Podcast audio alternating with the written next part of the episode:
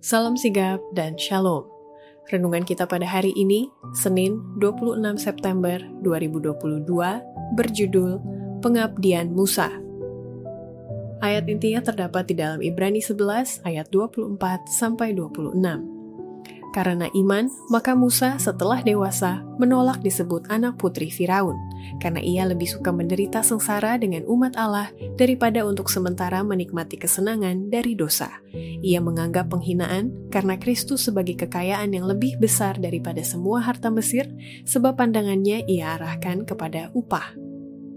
Pena Inspirasi menuliskan yang dimaksud dengan judul renungan kita pagi ini, Pengabdian Musa, adalah jawaban atas pertanyaan, siapakah yang mau, agar mau datang menghampiri tahta kasih karunia Allah dan mengalami kasihnya yang tiada bandingnya itu adalah sebagai berikut.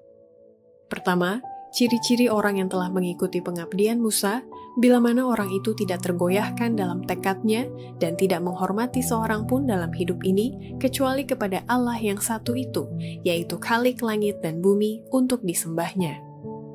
Oleh undang-undang Mesir, semua orang yang menduduki tahta Firaun harus menjadi anggota kasta imam-imam, dan Musa, sebagai calon pewaris mahkota, harus diperkenalkan kepada rahasia-rahasia agama bangsa itu. Tetapi ia tidak tergoyahkan dalam tekadnya untuk tidak menghormati seorang pun kecuali Allah yang satu itu, yaitu Khalik langit dan bumi. Ia berdalih dengan imam-imam serta penyembah-penyembah berhala itu dan menunjukkan kebodohan daripada sikap mengagung-agungkan benda-benda yang tidak bernyawa itu. Tidak ada seorang pun yang dapat membantah alasannya atau mengubah tekadnya.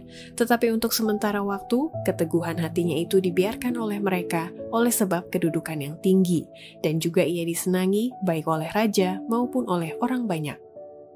Kedua, ciri-ciri orang yang telah mengikuti pengabdian Musa, bila mana orang itu memiliki daya pikir yang kuat dan mempunyai kekuatan akhlak untuk menolak harapan akan kekayaan, kebesaran, dan kemasyuran duniawi, dan menolak menikmati kesenangan hidup dari dosa. Musa layak untuk menduduki tempat yang terkemuka di antara orang-orang besar di dunia ini untuk bersinar-sinar dalam istana kerajaan yang paling megah serta memegang tongkat kekuasaan. Daya pikirnya yang kuat membuat dirinya menonjol di atas orang-orang besar sepanjang zaman. Sebagai ahli sejarah, ahli sastra, ahli filsafat, panglima tentara, dan ahli hukum, ia berdiri tanpa bandingan. Namun demikian, sekalipun dunia ada pada jangkauannya, ia mempunyai kekuatan akhlak untuk menolak harapan akan kekayaan, kebesaran, dan kemasyuran. Ia lebih suka menderita sengsara dengan umat Allah daripada untuk sementara menikmati kesenangan dari dosa. Ketiga, ciri-ciri orang yang telah mengikuti pengabdian Musa, bila mana orang itu memiliki iman yang selalu memandang kepada satu mahkota yang tidak akan binasa, sehingga menuntun orang itu untuk memalingkan diri dari mahkota-mahkota kerajaan duniawi.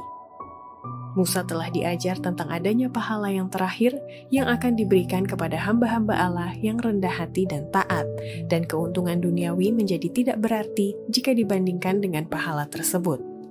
Oleh iman, ia memandang kepada satu mahkota yang tidak akan binasa, yang Raja Surga akan letakkan di atas kepala daripada orang-orang yang menang. Iman ini telah menuntun dia untuk memalingkan diri daripada mahkota-mahkota kerajaan duniawi dan menggabungkan diri dengan bangsa yang hina, miskin, dan rendah yang telah memilih untuk menurut kepada Allah gantinya untuk melayani dosa. Keempat, ciri-ciri orang yang telah mengikuti pengabdian Musa bila mana orang itu memiliki roh belas kasihan, kepedulian, dan senantiasa membela dan menegakkan keadilan kepada orang-orang yang tertindas, terutama bagi orang-orang seiman.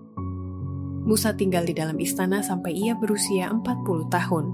Pikirannya sering tertuju kepada keadaan daripada umatnya yang malang itu, dan ia mengunjungi saudara-saudaranya yang berada dalam perbudakan itu, dan memberikan semangat kepada mereka dengan jaminan bahwa Allah akan berbuat sesuatu untuk kelepasan mereka.